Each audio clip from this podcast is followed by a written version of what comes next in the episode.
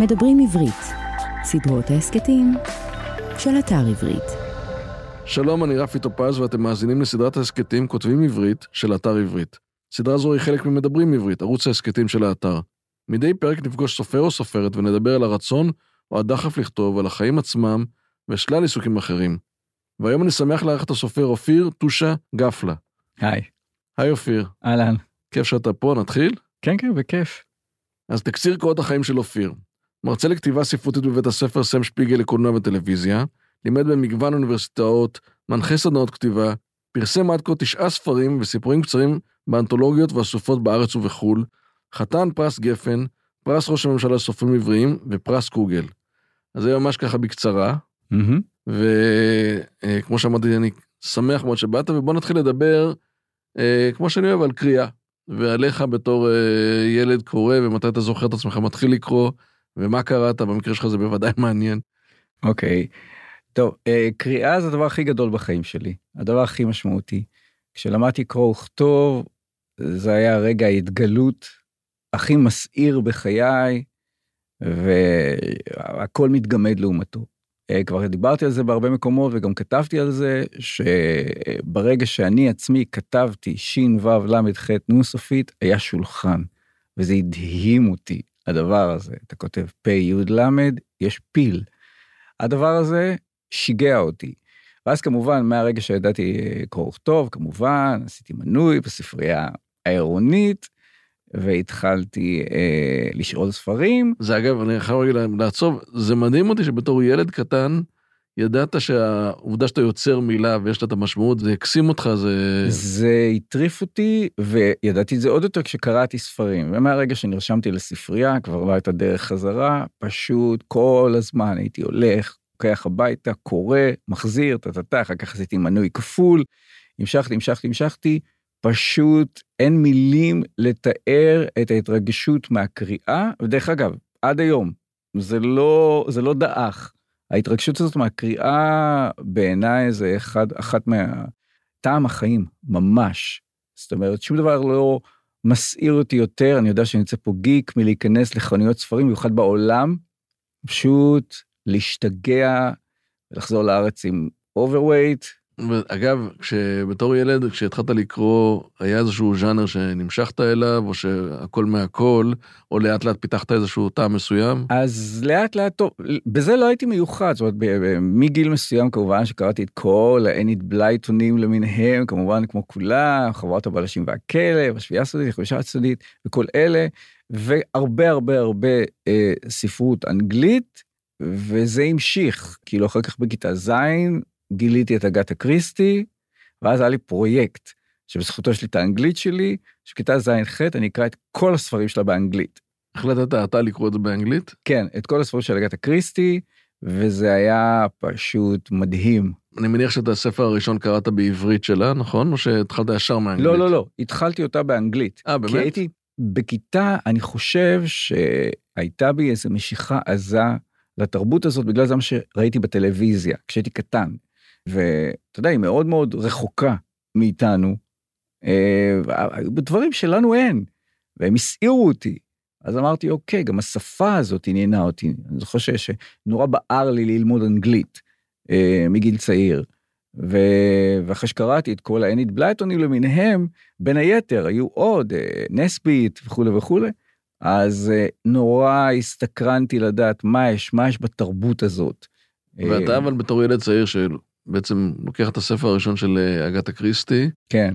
ואני מניח שזה קשה להתמודד עם האנגלית בהתחלה, אז אתה, כן. מה, אתה יושב עם מילון, אתה... אז זהו, קודם כל לפ- לפני אגתה קריסטי קראתי ספרים באנגלית, כמובן ברמה יותר... כן, ישבתי עם אילון, הייתי מאוד סבלן, אה, בהתחלה זה כמובן אה, חתחתים, אבל אחר כך אתה... זה נורא מתגמל, ודווקא אנשים שרוצים להתחיל לקרוא, נגיד באנגלית, שואלים אותי, אני אומר להם, תתחילו נגיד עם אגתה קריסטי או משהו כזה, שהוא באמת נורא מתגמל. יש לך תעלומה, ו- ויש לך נוסחה מסוימת שעובדת, ו... ודווקא הספר הראשון שלו שקראתי, זה הכי מוזר, אבל לא מוזר כשזה נוגע אליי כנראה, זה בכלל ספר שמעט מאוד אנשים מכירים, שבכלל מתרחש במסופוטמיה. משהו עתיק בכלל, לא הרקול פוארו ולא מיס מרפל, בכלל לא. אבל זה היה, זה היה כזה, אבל קראתי במקביל גם בעברית ספרים כמובן. אה, איך היית, אגב, בבית, זאת אומרת, כל נושא הקריאה, זה משהו שהגיע ממך, או הגיע גם מהבית, איך ההורים שלך התייחסו לעובדה שאתה קורא פתאום באנגלית? זה שימח אני אותם. בטוח שכולם, כן, זה בטוח ששמחו. אבל- למרות שאת האחים שלי זה שימח קצת פחות, כי היה לי מנהג מגונה, בגלל שכל כך נהניתי, הייתי מקריא בקול רם. אז uh, והבית היה קטן, אז זה די העיק uh, ששעות אני פשוט מקריא, כאילו בחדר, כאילו יושב איזה לורד קטן ומקריא עכשיו, uh, לא כל הזמן. תראה, זה לא בית שהיו בו המון ספרים, אבל מאוד העריכו ספרים. Uh, גם האחים שלי קראו אבל דברים אחרים לגמרי, אבל אצלי זה היה באמת uh, מחלה. ואתה מדבר על, אה, באמת על אגתה קריסטי, עולמות הפנטזיה, קראת בגילאים האלה?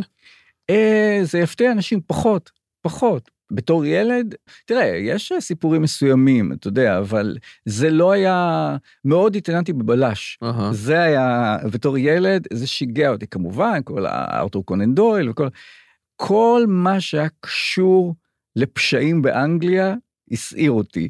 כן, כן, מאוד עניין אותי. כתבת אגב ב- בגילאים האלה? אז זהו, בגיל שבע התחלתי כבר לכתוב, זה לא היה כאילו מחשבה אני אהיה סופר, זה פשוט, אתה יודע, קראתי ורציתי גם. ו- ו- וכתבתי, מגיל שבע התחלתי לכתוב, ומאז לא הפסקתי, פשוט כתבתי, כתבתי, כתבתי. כל דבר אפשרי, כל סיפור אפשרי, אה, אה, מחברות, חבל שאין לי אותם.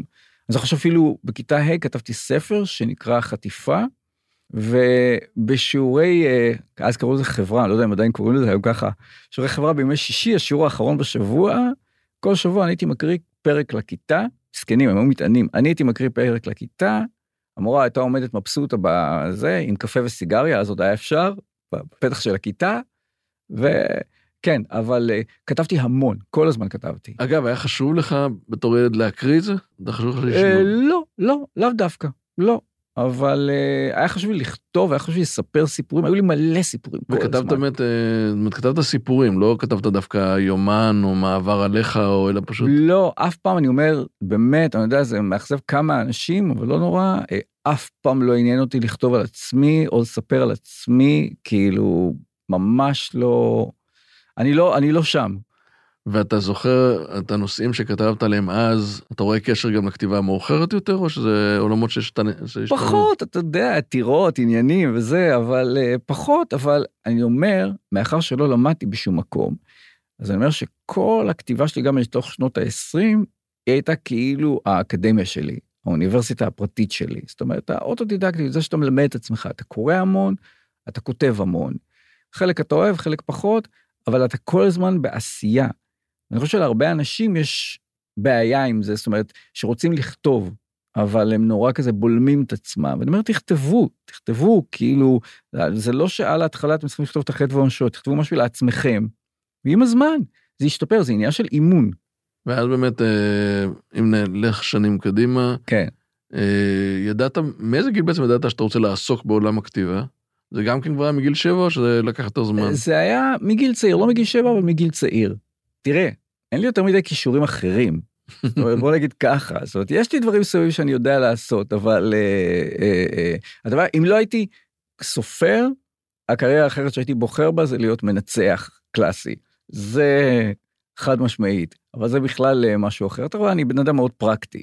אה, ולא הייתי פותח מוסך או משהו כזה, כי חבל. גם ככה לא בטוח פה.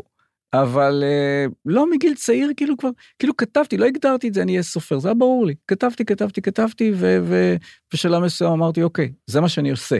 ומתי אתה בעצם אומר, אה, מתי התחלת לעבוד על ספר ראשון, או על יצירה ראשונה? אז תראה, ספרים כתבתי כל החיים שלי, גם בתור ילד. בצבא אני זוכר שכתבתי ספר, ואחרי הצבא כתבתי עוד ספר, אבל לא עשיתי איתם שום דבר. הם היו מטורפים מדי, אני יודע איך לקרוא להם. ואחר כך היה שלב שבכלל עניין אותי, זה לא הרבה אנשים יודעים שבשנות ה-20 המוקדמות, בכלל היה לי פרויקט, כתבתי הרבה תסריטים באנגלית, והיה לי פרויקט של סדרת טלוויזיה, שייעדת כמובן לאנגליה, ועבדתי עליו ארבע שנים, אבל זה היה משהו מטורף, זה היה כאילו כמעט 3,000 עמודים, משהו פסיכי לגמרי, שכאילו, קיבלתי uh, תשובות נורא יפות מאנגליה. אה, שלחת כאילו, את זה? ש... מה זה שלחתי? כאילו, יש לי קיר של מכתבי דחייה. אה, וכתבו לי דברים נורא יפים, אבל אמרו לי, תקשיב, אפילו יוצר בעל שם באנגליה אה, לא יכול אה, לקבל אה, אור ירוק לעשות, זה היה אנתולוגיה מטורפת, עזוב, זה היה... אתה אומר, לא חשבת על התקציב. לא, אף פעם לא על תקציב, ותמיד זה היה בענק, ובכלל לא, לא עניין אותי, עשיתי מה, זה היה כיף, ולמדתי המון מזה. ואחר כך, בשלב יותר מאוחר, בגיל 27, אני זוכר שהתחלתי לכתוב ספר בעברית, שעבדתי עליו כמה שנים טובות, שהוא היה עב כרס ממש, היה 800 עמודי A4 ראשון בטרילוגיה, שקראו לו אולי נפלה רוחי, שלחתי אותו להוצאות, זה בשלב יותר מאוחר, אני כבר רץ קדימה, כי היו עוד פרויקטים in between, וכמובן שהוא חזר אליי חדש יותר מאיך שהוא נשלח, אבל בזכותו נוצר הקשר עם שמעון עדף, שהיה אז העורך החדש בהוצאת כתר. כי הוא קרא שלושה פרקים, וזה מאוד סקרן אותו. ואז הוא קרא את, ה, את השאר, והוא אמר שזה, אה, אני זוכר, ישבנו בבית קפה, והוא אמר, זה כתב היד הכי טוב, ש- הכי מעניין שקיבלתי השנה, הכי טוב, אבל אנחנו לא נוכל להוציא אותו. בגלל ההיקף שלו. ההיקף שלו, וראשון בטרילוגיה, וכאילו, המגלומניה. אבל הוא אמר לי, אבל אני מאוד מאוד מאוד רוצה שתוציא אה, ספר, כי אני חושב שאתה סופר טוב מאוד. אה, אז אמרתי לו, אוקיי, זה מאוד יפה ומרשים מצידו, גם ה- לפגוש אותך בתור סופר צעיר, גם לתת לך עידוד שכזה. כי תראה, הוא קרא, בתור, זה היה בתור הזהב. אז, ב, ב, ב, בתחילת שנות, בתחילת, אה, כן, האלף הנוכחי, כן? שעוד באמת, ההוצאות, היה להם כסף, הם נורא השקיעו, ובאמת תרבות הייתה אה, בסנטר, לפחות זה הרגיש ככה, והוא חיפש נורא. אני בכלל הגעתי אליו, בכלל לא ידעתי על אודותיו, כי אני חי לי במאורה שלי, ואיזה חבר טוב קרא ראיון איתו, אה, כי הוא נכנס לתפקיד החדש, הוא אמר לי, תקשיב, היה ראיון ארוך. הוא אמר לי, תקשיב, הדברים שהוא אומר פה זה כאילו מדבר עליך, כאילו מחפש אותך, ואז קראתי את הראיון, אמרתי, אוקיי. וזה היה אחרי שכבר דחו אותי, את, את אולי נפלה רוחי. ואז עשיתי דבר שהוא מאוד מאוד מאוד לא פנילי, אין לי מרפקים, אין. אה, רציתי להגיע אליו, ובדרך נס מצאתי את הטלפון שלו בספר טלפונים בתל אביב, ושלחתי לו את שלושת הפרקים הראשונים, והוא קרא אותם, וכשהוא חזר אליי, אז עוד לא היה פלאפון, או לי לא היה לפחות. הוא חזר אליי ואני הייתי במילואים, ולא הצלחנו כאילו אפילו לדבר, עד שהצלחנו, ובסופו של דבר לא הצלחנו להיפגש פה, ויצא שבאותו שבוע, זה קטע, שנינו היינו ברוטרדם. לא תגיד אמסטרדם, רוטרדם, כל אחד מסיבותיו הוא, ונפגשנו שם שלוש שעות בבית קפה ברוטרדם, ומשם התחילה... קצת man to be, לא? אה, זהו, זה נשמע ככה, והיה קליק באמת מיידי, והוא היה סקרן לגבי שאר הספר, הוא קרא אותו, אתה ואחר כך אמרתי לך בהמשך, הוא אמר לי מה שהוא אמר לי, אבל הוא באמת, אני האמנתי לו, כי אני יודע שהוא אה, קרא המון כתבי יד. אז כשאם הוא אומר, אני רוצה משהו ממך, עכשיו באותו זמן אני כבר הייתי בעבודה על עולם הסוף, אז אמרתי לו, אז יהיה עוד מעט משהו, ולא ידעתי מה יהיה, מה מומי. ו... מה אגב עשית תוך כדי, בתקופה הזאת שבה אתה כותב? אוקיי. לפרנסתי אז אה, עשיתי כמה דברים. תרגמתי מאמרים לסטודנטים, עינוי סיני הדבר הזה, ו... ויש בזה עבודה נונסטופ, אבל never again. מה זאת אומרת, סטודנטים שלא רצו לקרוא באנגלית? כן, כן, נותנים לך מאמרים שתתרגם להם. והייתה תקופה שגם הייתי לשנתיים מורה פרטי לאנגלית, כן, עשיתי כל מיני כאלה, כל מיני דברים כאלה, והסתדרתי. ואתה כל הזמן ראית את זה כמין איזה עבודה צדדית שמלווה את הכתיבה? ברור לגמרי, אה, גם אחרי הצבא עבדתי בחנות תקליטים, עשיתי הרבה דברים. פתאום עכשיו אני מתחיל להיזכר בכל מיני עבודות ששכחתי שעבדתי בהם בשנות ה-20, אבל עשיתי כל מיני דברים, הייתי ניצב בסרט, כל מיני דברים הזויים. ו... אה, אבל הכתיבה כולם ידעו סביבי, שזה הדבר המהותי, זה הדבר החשוב. הכל כאילו ממש אה, זניח לעומת הכתיבה. אז בעצם עולם הסוף הגעת מאוד בעצם מאוד מגובש ככותב. נכון. מבחינתך כבר כתבת הרבה מאוד, המון, כן, גם בעברית גם באנגלית. נכון, זאת אומרת אה, מי שמהצד מסתכל ואומר ספר ביקורים אבל אתה כבר אה, צלחת כן, כן. הרבה מאוד מילים כדי לכתוב את אה, עולם הסוף. נכון, נכון. כשכתבתי אותו כבר אה, כאילו באמת היה לי קילומטרה של כתיבה מאחוריי, וכתבתי אותו ו... ואתה יודע, והייתה לי גם, אני לא יודע להסביר את זה, אני זוכר שכתבתי אותו ואמרתי לאיזה חבר טוב, אוקיי, זה, זהו, זה יצא. מהמם. ולא יודע להסביר, זה היה די ברור לי, ו- ואז שלחתי אותו לשמעון, שמעון קרא אותו. ועד אז, דרך אגב, היית מוטרד שעוד לא יצא שום דבר. כן, בטח, בטח, בטח. זה עצבן אותי כי אני כותב שנים. ואתה יודע, וידעתי גם שהדברים שאני כותב הם פחות אה, קונבנציונליים, אבל עדיין אמרתי, בכל זאת. ובגלל זה הרגשתי שמצאתי בן ברית בשמעון, כי שמעון ישר הבין. שמעון באמת רצה את החומרים האלה. ואחרי שהוא קרא את אה, עולם הסוף, אני זוכר שבכלל אז לא היה לו שם, או שקראו לו והם מתו באושר עד עצם היום הזה, משהו כזה. ואני זוכר שנפגשנו בבית קפה והוא אמר לי, אה, זהו, אנחנו רוצים את זה, ההוצאה רוצה את זה, אבל נצטרך לקצץ 200 עמודים, כי זה היה עוד 200 עמודים. זאת אומרת, אם זה עכשיו 430 עמודים, אז היה 630 עמודים. אמר לי, צריך לקצץ 200 עמודים, כי בכל זאת ספר ביכורים 630 עמודים, ועוד הספר הזה. ואמרתי לו, ככה, באינסטינקט, אמרתי לו, אוקיי, תן לי לקצץ 200 עמודים, ואחר כך אני אביא לך, ואחר כך תעשה מה שאתה צריך. וזהו, ואז אה, התחלתי לבד לעשות את זה, ואחר כך הוא אה, נכנס, והוא עורך לא מהעולם הזה, הוא מדהים. עד היום אנחנו חברים מאוד מאוד קרובים, איש אשכולות, איש גאון. ודרך אגב, גם בהוצאה לא ידעו כאילו, אה, מה שקרה, זה היה אמור לצאת ב-2003, וזה נדחה בגלל שזה שכב במחסנים, יצא שכולם בהוצאה כבר קראו את הספר, ונהיה באז, כולם נורא התלהבו, אז רצו להוציא אותו בזמן שהוא לא יתפספס, כי בכל זאת ספר ביקורים, ועוד ספר שהוא כאילו בז'אנר אחר, ובתור ספרות יפה. ואז הם עשו מהלך שאז היה מאוד לא קונבנציונלי. הם הוציאו אותו לא ביוני, או לקראת יוני שזה שבוע הספר, כן. אלא ביולי שזה עונת המלפפונים, אז לפחות זה היה ככה. אז אף אחד לא הוציא ספרים ביולי, וזה השתלם לגמרי. עכשיו, אף אחד לא ידע מה יהיה, וזה יצא, וזה בום, ישר הפך לרב מכר, וכולנו היינו בשוק. באמת, אני אומר לך, אתה יודע, אתה לא, אף אחד לא מכיר אותך אתמול, ופתאום, אתה יודע, זה, זה די מדהים. טוב, מה באמת היו התחושות כשיוצא ספר כזה ומאוד מצליח, אחרי הרבה שנים שאתה כותב ולא מוציא, האם זה ישפיע עליך גם הלאה? תכף נדבר גם על הנושאים. אז תראה, זה נורא משמח כמובן, וזה נורא מתגמל, וזה, זה, אתה באיזה אופוריה, אבל אני תמיד ידעתי, ואני גם אומר את זה לסטודנטים שלי, תמיד אמרתי, אני אף פעם לא מחכה. זאת אומרת, כשהוא יצא כבר הספר השני היה כתוב. זאת אומרת, אני תמיד בעבודה. Okay. אוקיי. כדי שאם נגיד חלילה, אתה יודע, ששום דבר לא ירפא את ידיך, ששום דבר, כלום. כאילו, אתה יודע, העבודה זה הדבר המשמעותי, זה הדבר החשוב.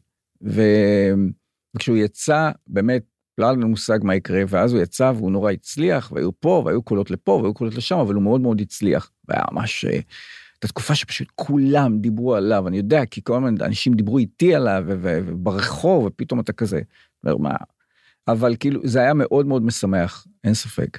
אז אם נדבר באמת רגע על הנושאים של הספרים, ובאמת המקורות אה, שמאיפה שם אתה מתחיל, ונדבר עם סופרות וסופרים, אתם מדברים על עם סצנה או דמות, או משהו לטפל בו, משהו מהחיים, אתה מאוד עסוק באמת במה שנקרא חיים ומוות, כן. כל העניין של הנפש, זיכרון, אה, מהות, קיום. אז אתה, ואז אתה יוצר איזושהי סיטואציה באמת לא מהעולם הזה, ובואו נסתכל על ה, איך נראה העולם כשפתאום אנחנו שמים אותו באיזושהי זווית אחרת, או על ה... ב... נכון, אני מסכים איתך. כי אני חושב שכל רומן אמור לשאול שאלה, ובכל רומן יש שאלה מרכזית. והיא לאו דווקא נוגעת למוות או לחיים, אבל היא כן מהותית. זאת אומרת, בסאבטקסט תמיד יש משהו שהוא ריאליסטי, לא יכול להיות משהו לא ריאליסטי בסאבטקסט, כי אתה כותב בסופו של דבר על בני אדם. הסיטואציה זה כבר משהו אחר. למשל, סתם, לצורך העניין, נגיד, אה, עולם הסוף יש פה כל מיני נושאים, אבל אחת השאלות שסקרנו אותי זה, האם אנחנו בכלל בנויים לחיי נצח? גם קוראים לזה מוות. אוקיי, אז אתה בזוגיות 50 שנה, הייתי נדיב, אבל אם עכשיו אתה צריך להיות בזוגיות 5,000 שנה. האם אנחנו בכלל רוצים נצח? האם אנחנו רוצים בכלל נצח? האם אנחנו בנויים לנצח? עכשיו, אני אומר, בכלל מהנקודת מבט האנוכית מאוד שלי, אני מאוד רוצה נצח, כדי שאני אוכל לקרוא כל מה שאני רוצה כמה פעמים, אני לא צוחק, זה לגמרי זה, זה זה. אני רוצה, אני חזיר בכל מה שנוגע לתרבות. עוד, עוד, עוד, עוד. אני נורא קנאי לזמן שלי. אז מבחינתי זאת הסיבה שבכלל המצאתי את העולם האחר, אבל זה לא נמצא בספר העניין הזה. יש כל מיני שאלות מהותיות, כמו נגיד ביום שהמוזיקה מתה, אתה יודע, כאילו אם היינו יודעים את... זהו, אז באמת העניין זה, אנחנו יודעים את יום מותנו, כן. אוקיי? ואז אה, לכאורה, אותם חיים, אותם אנשים, אבל הכל אחרת, ופתאום כל ה... אתה מתכנן את כל הדברים שונה לגמרי, אם אתה יודע את, ה... את היום... נכון. אוקיי, אז אתה לוקח את השאלה הזאת, וזה גם בעצם עוזר לך להעמיק בנושא שמעניין אותך, נכון? זאת אומרת, כן, אתה אומר, הרי, כן, מה שיפה בכתיבה זה שאתה לאט לאט מעמיק ולאט לאט מייצר לעצמך איזושהי תזה ואתה נכון. מגלה דברים תוך כדי, נכון? בכתיבה, אני קורא לספרות פילוסופיה רטובה. כאילו, כי פילוסופיה יש בה משהו באמת יבש, ואני אומר את זה לא ל- לרעתה, אבל זה פשוט במהותה, הרבה טקסטים פילוסופיים הרבה פעמים מאוד אה, קשים לקריאה. בעוד שספרות לוקחת פילוסופיה ומיישמת אותה הרבה פעמים, ב- ב- בסיפורים, ב storytelling. ואותי נורא מעניין בכל רומן או בכל סיפור, בכל ספר, לחקור משהו, לשאול משהו, לאו דווקא לענות עליו, אבל לשאול אותו ולעורר מחשבה. זה הדבר שהכי חשוב לי, אבל האם חיים שלך למשל כן? נראים אחרת אחרי שסיימת ספר מסוים עם שאלה שהיא שאלה כבדה עבורך ומשמעותית עבורך? למשל החיים שאחרי, כן. או האם אני יודעת, האם פתאום שהנחת את כל ה... כתבת את התזה שלך, הבנת את זה לעומק, אתה אדם אחר בסוף הספר. אני מניח שאני אדם אחר בסוף הספר, אבל זה באופן לא מודע. אני לא מרגיש, אתה יודע, אני כן יודע שעברתי איזה מסע. זה חשוב לי מאוד לעבור את המסע באמצעות השאלות האלה. אה, אבל אתה יודע, כל שאלה מולידה שאלה חדשה, וזה הטבע של הפילוסופיה. אז זה מה שקורה לי מספר לספר. והעיסוק למשל בנושאים כאלה, זה עיסוק שגם בעצם גם מטריד מנוחתך, או שאתה... לא, זהו, אנשים שקוראים את הספרים שלי חושבים שאתה יודע, אתה רואה, אני לא, חושב שאני, אולי אני בן אדם מורבידי, ממש לא, הכי לא. זה לא אלה דברים, קודם כל זה נראה לי מוזר, שאני חושב פשוט הרבה אנשים חוששים בכלל להתקרב לנושאים האלה, אתה יודע. כי אנחנו חיים במין איזה הכחשה נמרצת, ואני אומר, כאילו בעיניי יש משהו לא הגיוני בלחיות את החיים ולהתעלם מהדבר הזה. אתה יודע, זה כמו להגיד אדם בלי צל. אתה יודע, אין דבר כזה אדם בלי צל, אתה לא יכול להסתכל רק על האדם ולהגיד אין צל, אני לא רואה את הצל. הצל קיים, ואני גם לא, אתה יודע, הוא לא מפחיד או משהו כזה, אבל אי אפשר להתעלם ממנו. גם, דרך אגב, גם אני טוען נחרצות שאף ספר שלי לא עוסק במוות. כל הספרים שלי עוסקים בחיים. אין על המוות, אתה יודע, אתה יכול לדבר על אספקטים של מוות, אבל כאילו, הם לא עוסקים בזה, הם עוסקים בחיים. והרבה פעמים פשוט, אתה יודע, זה נמצא שם, ב, בסביבה.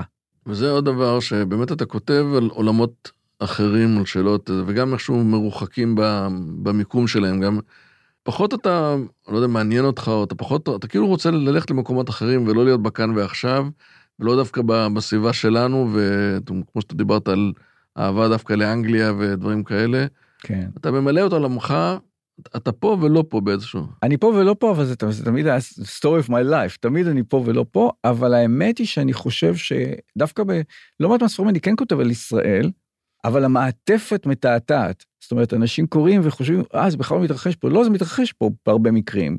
ואני כן מדבר על דברים שקורים פה, אבל בגלל האופי של הסיפורים, אז לאנשים לפעמים נדמה שהם לא קורים פה. אבל הם, רוב הספרים כן מתרחשים בישראל, ויש גם אמירות מסוימות על ישראל, במיוחד בספרים האחרונים. יש גם אזכורים של אה, לא רק מקומות של אנשים מפה, אנשים ידועים וכו' וכו', אבל אני אומר, אני אמרתי את זה בריאיון לפני כמה שנים, שבעצם אני הבנתי שאני כותב מה שאני מגדיר ריאליזם פנימי. זאת אומרת, לא עכשיו אני לא נותן לך מהדורת חדשות, אלא כן. מדבר על מה קורה לבן אדם בפנים. ואני חושב שמה שקורה לבן אדם בפנים, זה הדבר הכי מרתק, ואתה יודע, לכולנו יש נפש, לכולנו יש פנים, בין אם אנחנו ישראלים או משהו אחר, ונכון שאני גם מתייחס לנקודות מסוימות, אה, נגיד בהרי געש רדומים יש סיפור שנקרא בין המלחמות, רק השם הזה, אתה יודע, למרות שהוא מדבר על משהו אחר, אבל כן יש שם אזכור מסוים של, אתה יודע, למשל, בפסקה אחת של הטירוף הזה של לחיות פה, כשכל הזמן מהדהדים לך, אה, בכל רגע נתון יש אה, רבבות טילים שמכוונים, אתה יודע, זה לא נורמלי, זה לא, אתה יודע, אז הזכרתי את זה שם. אלה דברים שהם לגמרי סוריאליסטיים, אבל אנחנו כבר כל כך אה, עמוק בתוך החיים פה, שקשה לנו לצאת החוצה ולהסתכל על זה. זה פשוט אה, לא נורמלי, הוא נורמלי עבורנו. נכון, זה אבל- כמו שביקרתי בפומפיי ואתה אומר איך אנשים גרו מתחת, חיו מתחת נכון. להר געש, כן. אבל שאתה חי פה עם אה, כל הטילים מכוונים, זה נראה לא רק כל הטילים, זה, זה המון דברים, זה בכלל, כאילו, אה, אתה יודע, המרחב פה הוא מרחב קשה, וזה לא שאין פה, יש פה המון אנשים מרתקים ומקסימים והכול, אבל המרחב הוא מרחב אחר. ואם אני חוזר למה שאמרת, אתה בעצם אומר, רוב הממדים מתנהלים בפנים, כן, ויש אה, באמת, יש כמובן את החיצוניות, אבל בני אדם, רוב ה... מאיך שאנחנו רואים את הדברים, איך שאנחנו חווים את הדברים, והשיתוף שלנו גם כן כמובן מוגבל. זאת אומרת, רוב הדברים אנחנו לא מוציאים החוצה, אלא נכון. משאירים בתוכנו, ואתה נכנס פנימה ו... זה הכי מעניין אותי. בספר החמישי שלי בעשתונות, יש מישהו שמדבר שם על חלוקה לעולם החיצון והעולם הקיצון. בעולם הקיצון, מבחינתי, זה העולם הפנימי. זה העולם שבו כל האקשן מתרחש. איך אנחנו רואים את המציאות, איך אנחנו קוראים אותה, כל הדברים שאסור בכלל להגיד אותם, אבל בספרות אתה יכול להגיד אותם. המחשבות שלנו, המשאלות, אפילו הכי אפלות וכמוסות, כאילו, תחשוב אם בן אדם היה כאילו יודע איזה דברים אתה חושב ביום יום, זאת אומרת לא הייתה שום תקשורת בין בני אדם, זה מפחיד. בפנים אני חושב שלנפש אין בלמים, ו- ובחוץ כמובן יש לנו את ה... זאת אומרת, זאת אומרת שבעצם אה, מצד אחד אפשר תמיד לדבר על שקיפות דברים, אבל, אבל האמת היא שלא טוב שתהיה שקיפות. אה, תראה, צריכה להיות כנות, וכמובן יש את כל העניין של אה, איך חברה מתנהלת, כמובן, כי אם אנחנו באמת. רק נפעל על פי הדחפים והרצונות שלנו, אז לדעתי החברה לא תתקיים. אבל באמת בגלל זה נגיד. באורחים, שם באמת אה, אנשים, בגלל שהם עוברים איזה שבוע מטמורפוזה, הם, הם הופכים כאילו להיות מושא השנאה שלהם, ואז הם ממש נכנסים לראש, לתודעה, הם הופכים להיות מישהו אחר. ואז תחשוב, אנחנו לא באמת, אנחנו יכולים להגיד לעצמנו, לטפוח לעצמנו על השכם, להגיד אנחנו אינטליגנטים, אנחנו בני תרבות וכו' וכו', אבל בתכלס, אנחנו לא באמת מתאמצים להבין האחר. איך האחר חושב. ופה העניין ממש אותי לא. שאתה אתה לא סתם בוחר את האחר, אתה בוחר את השנוא. את השנוא כי אמרתי כי זה מייצר דרמה. וגם, דרך אגב, זה בכלל נבע מ... אה, ברור שיש המון שנאה בעולם, אבל גם באמת מדברים קטנים שהייתי רואה ביום יום. זאת אומרת, אה, כולנו מכירים אנשים שנגיד רבים בסופר, וזה מ-0 ל-100. היא עקפה אותך בתור ופתאום היא האויבת אחרת, ואת פותחת עליה פה שכאילו אתה אומר, מה, מה קרה לאנשים? כאילו, הם לא נורמליים. וכאילו, אתה רואה את זה ככה. עכשיו, כמובן, זה הולך לממדים הרבה יותר גדולים, אנחנו מדברים שנאה בעולם וכו' וכו' וכו', אה, שכאילו אתה אומר, איזה דבר, איזה, כמה אנרגיה צריך בשביל זה. ואתה אומר, כאילו, מה זה הדבר הזה? כאילו, כמה שנאה באמת יש בעולם. ו- ואני לא בא מתוך איזה נאיביות, אבל זה באמת, זה זה.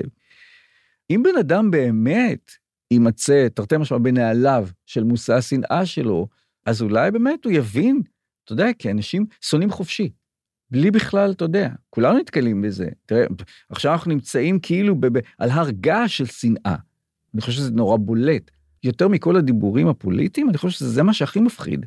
כי יש תחושה כזאת. אולי זה פתרון, אתה יודע, אה, בעיות אחרות שמעיקות וקשות וקשה להתמודד איתן. יכול להיות. קל להעמיס אותם במין שנאה פתאום לאחר, מבלי... אה, נכון, אבל שנאה גם מביאה למעשים.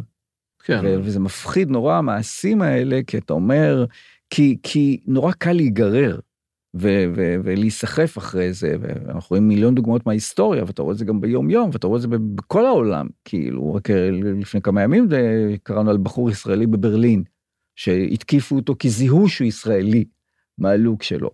כאילו, מה זה? אבל עוד פעם, אנחנו לא יכולים להתייפייף, כי אנחנו רואים איפה אנחנו חיים, כי גם, כי גם פה כאילו אה, אנחנו שונאים וכו' וכו' וכו', וזה זה מעיק נורא, וזה כמובן הופך את העולם למקום הרבה יותר מכוער, אבל אני אמרתי, מה שמיוחד בספר הזה באורחים, היו כל כך הרבה יצירות על התחלפות בין בני אדם, אבל תמיד הם שמרו על התודעה שלהם. פה אני אמרתי, חייבים ללכת את האקסטרה מייל, וכאילו, ואתה לגמרי תאבד את עצמך ותהיה מישהו אחר לעוד יומיים. כמובן, יש קבוצת ביקורת כן. שעוקבת אחרי זה, כדי שיהיה אפשר להעריך את הניסוי, אבל באמת אמרתי, כאילו, זה, זאת הטרגדיה של האנושות בעיניי, ובזה הספר עוסק, בקוצר היד של הדמיון. אתה מדמיין את האחר עד נקודה מסוימת, עד איפה שנוח לך כן. לדמיין אותו, כי אתה לא יכול לשאת את זה כבר. זאת בעיה. ועוד נושא שמאוד אה, מעסיק אותך זה נושא זיכרון. מאוד מאוד מאוד. זיכרון זה הדבר הכי מעניין בעיניי שיש. קודם כל, איך הוא עובד, שהוא לאו דווקא אובייקטיבי כמובן, זה לא... ברור, אין דבר כזה זיכרון אובייקטיבי, אין חיה כזאת. זיכרון זאת בדיה. זה, זה אנחנו שנינו, וגם ההסבר הוא נורא פשוט. נגיד שנינו היינו באותו אירוע, ושנינו זוכרים דברים שונים, זה נורא פשוט, בגלל שהדגשים שלנו כבני אדם הם שונים. אתה נמשך לנקודות מסוימות בזה. אני רואה את זה כל הזמן. זיכרון זה נושא שמרתק אותי, גם בגלל שבעצם זה כל מה שיש לנו. כשאני חושב על זה ביום יום, אני אומר זה מפחיד, כי כל מה שיש לך כן, זה את ההווה ואת הזיכרון.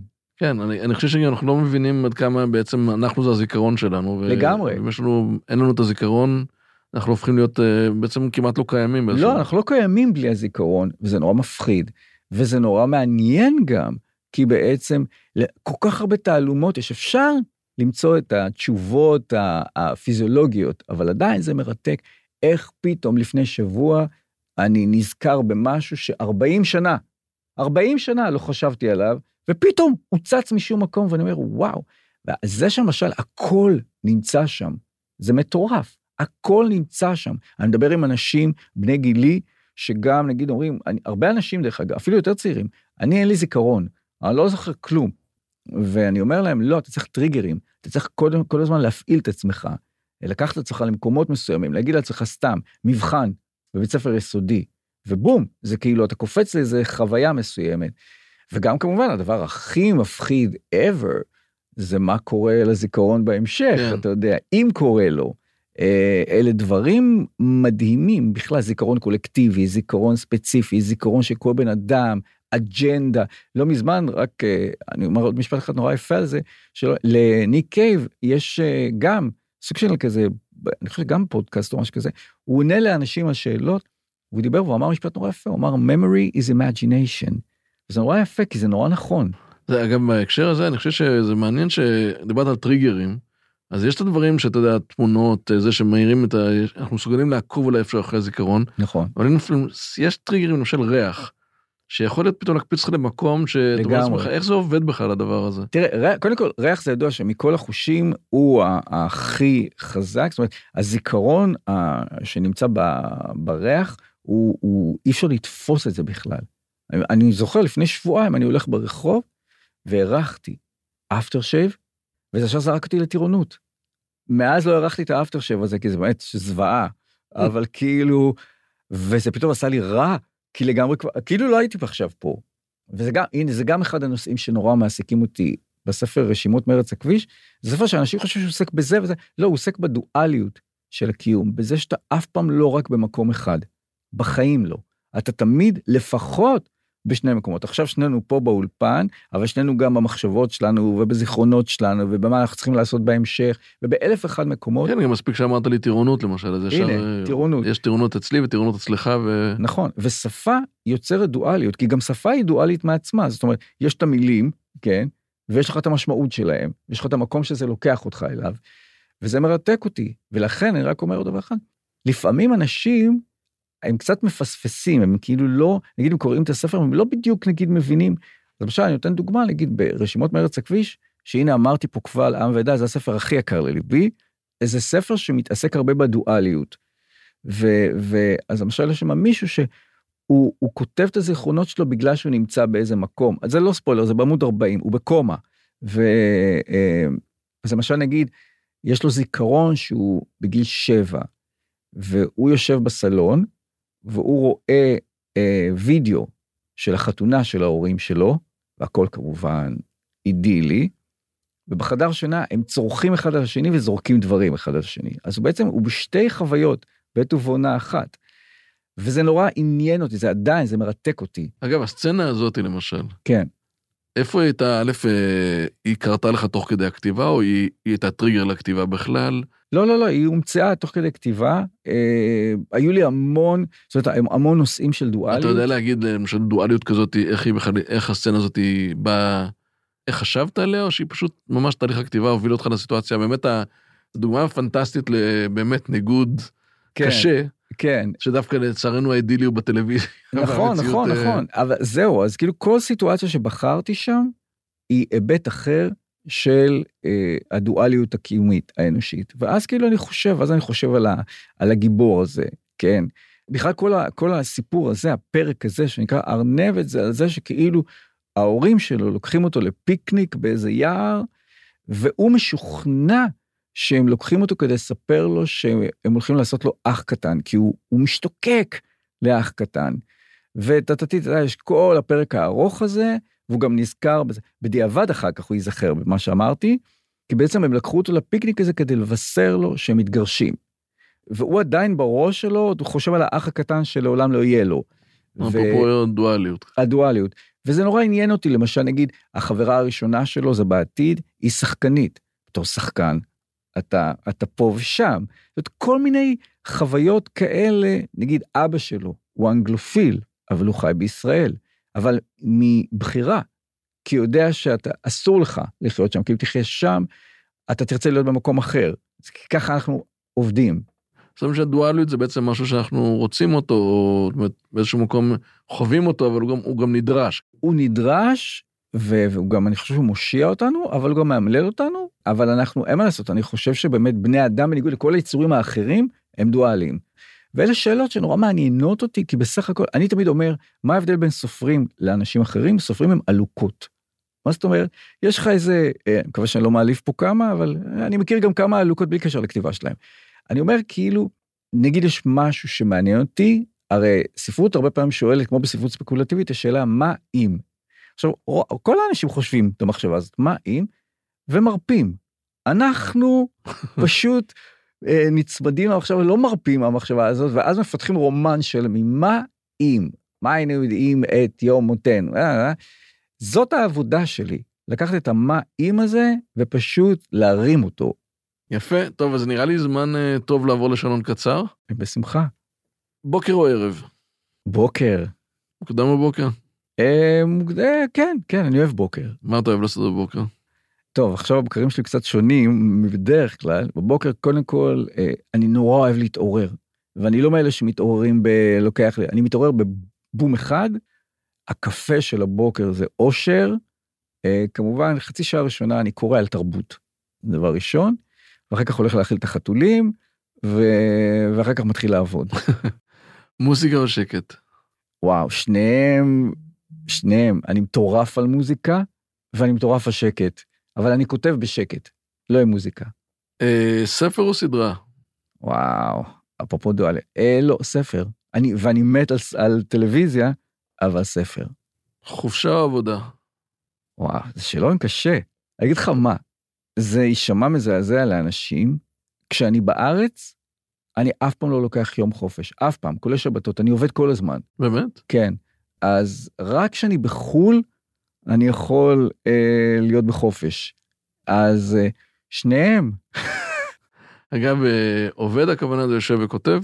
כותב, עורך את הדברים שאני כותב, תמיד זה סביב, אה, אתה יודע, תמיד אני בפרויקט מסוים. וכמה שעות ביום? אה, חמש, שש, זה תלוי, כי אני עושה עוד מיליון דברים אחרים. כן, בסדר, למה? אבל חמש, משהו כזה. וויסקי או בירה? בירה, אבל נפלת עליי, אני גם לא, לא, אני לא אוהב אלכוהול. ג'אנק פוד או גורמה? ג'אנק פוד שהוא גורמה. אז מה זה אומר, פיצה? אה, פיצה מיוחדת, זה, לא, אבל בגדול, לא ולא. באמת, okay. לא ולא, אני חושב ששניהם קיצוניויות. אני לא מת על ג'אנק פוד, למרות שלפעמים זה כיף, וגם גורמה לפעמים זה כיף, אבל שניהם, אני חושב, לוקחים את האוכל למקום. אוקיי. רומא או פריז? פריז. קר או חם? וואי, זה קשה. חם, אבל עם הסתייגות קשה. האם תמיד תעדיף להקדים בשעה או לעולם לאחר ב-20 דקות? להקדים, תמיד. אופיר, תודה רבה. תודה רבה לך. שמח מאוד שבאת, היה ממש מרתק. גם לי, תודה רבה. האזנתם לכותבים עברית, סדרת ראיונות עם סופרות וסופרים במסגרת ערוץ ההסכתים של אתר עברית. באתר עברית תוכלו למצוא אלפי ספרים בכל הפורמטים, דיגיטליים, קוליים ומודפסים, וגם, כמובן, את הספרים של אופיר טושה גפלה. להתראות בפרק הבא. האזנתם לדברים עברית, סדרות ההסכתים מבית אתר עברית, חנות הספרים הדיגיטליים, מודפסים והקוליים הגדולה בישראל. ספר זה וספרים נוספים מחכים לכם באתר עברית.